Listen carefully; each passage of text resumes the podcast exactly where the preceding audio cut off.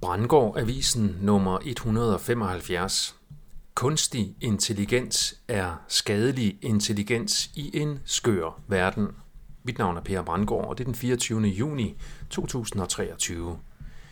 Avisen handler her om skadelig intelligens, en modig præst, MeToo offer krænker bedraget og Novos nye rolle som søndebuk for medicinalindustrien.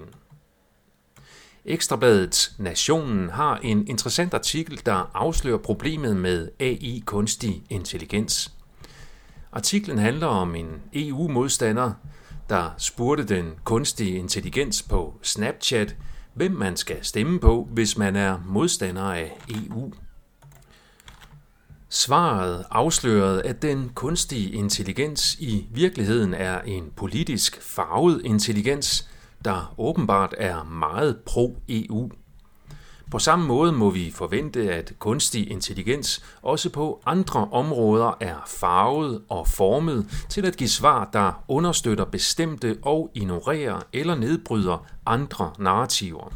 Med andre ord, kunstig intelligens er blot en anden form for censur, undertrykkelse og kontrol. Den danske sovnepræst Therese Strand Nielsen har på Facebook udgivet et åbent brev til biskop Peter Birk og biskop Mads Davidsen, som hun beskylder for at være, og jeg citerer, satans feje og dumme, citat slut. Det grunder i den hårdhændede behandling, hun har fået af bispekollegiet, siden hun vågede sig til at bruge sin ytringsfrihed, drevet af Helligånden, til at gå imod coronadiktaturet og censuren i den forbindelse – her er et uddrag af Therese Strand Nielsens tekst, og jeg citerer. Vi står over for en alt omsluttende ødelæggelse. Mærk jer mine ord. 3. verdenskrig har været i gang længe, men det er en ny form for krig, som ikke alle opfanger. Citat slut. Det er min vurdering, at Therese Strand Nielsen har fuldstændig ret i sin vurdering af situationen, men hun har måske fejlvurderet den kristne kirkes rolle, der siden 300-tallet reelt har været at undertrykke Jesus tro individer som hende, så de ikke gjorde oprør mod de undertrykkende magthavere. MeToo er som bekendt konstrueret som et politisk våben, der kan få enhver heteroseksuel mand ned med nakken.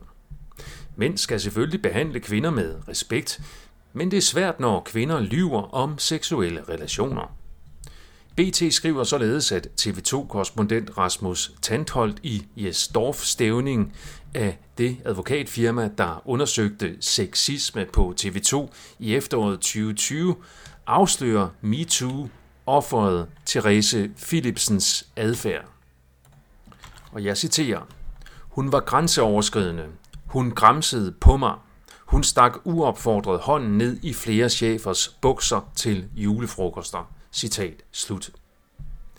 Det minder mig om min egen MeToo-sag, hvor en ung kvinde med forbindelse til en sionistisk terrororganisation i København forførte mig til sex med en tilsvarende adfærd, for derefter at gå til politiet og melde mig for voldtægt.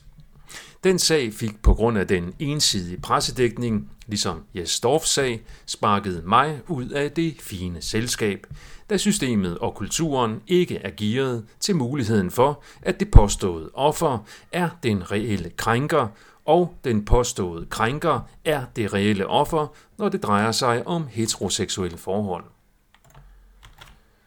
Novo Nordisks aktiekurser fortsætter med at falde, efter myndighederne og medierne taler om ikke kun risiko for kræft, men nu også om selvmordstanker og tanker om selvskade hos patienter, der tager Novos populære slankemedicin Wegovy.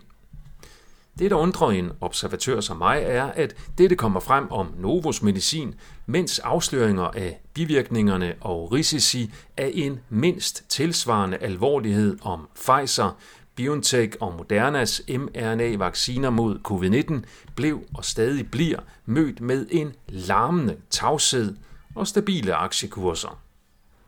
Det er min teori, at Novos mafialignende infiltration af magt, myndigheds- og medieapparatet er langt mindre effektiv end coronavaccineproducenternes. Det kan skyldes, at Novo er hæmmet af dansk kultur og moral. Hvis politikerne, myndighederne og medierne havde behandlet coronavaccinerne med tilsvarende omhu, som de nu behandler Novos slankemedicin, så ville det stå gevaldigt meget bedre til med folkesundheden. Misforstå mig ikke. Jeg synes stadigvæk, at det er en dårlig idé at behandle svær overvægt med kronisk kvalme, når der findes naturlige alternativer.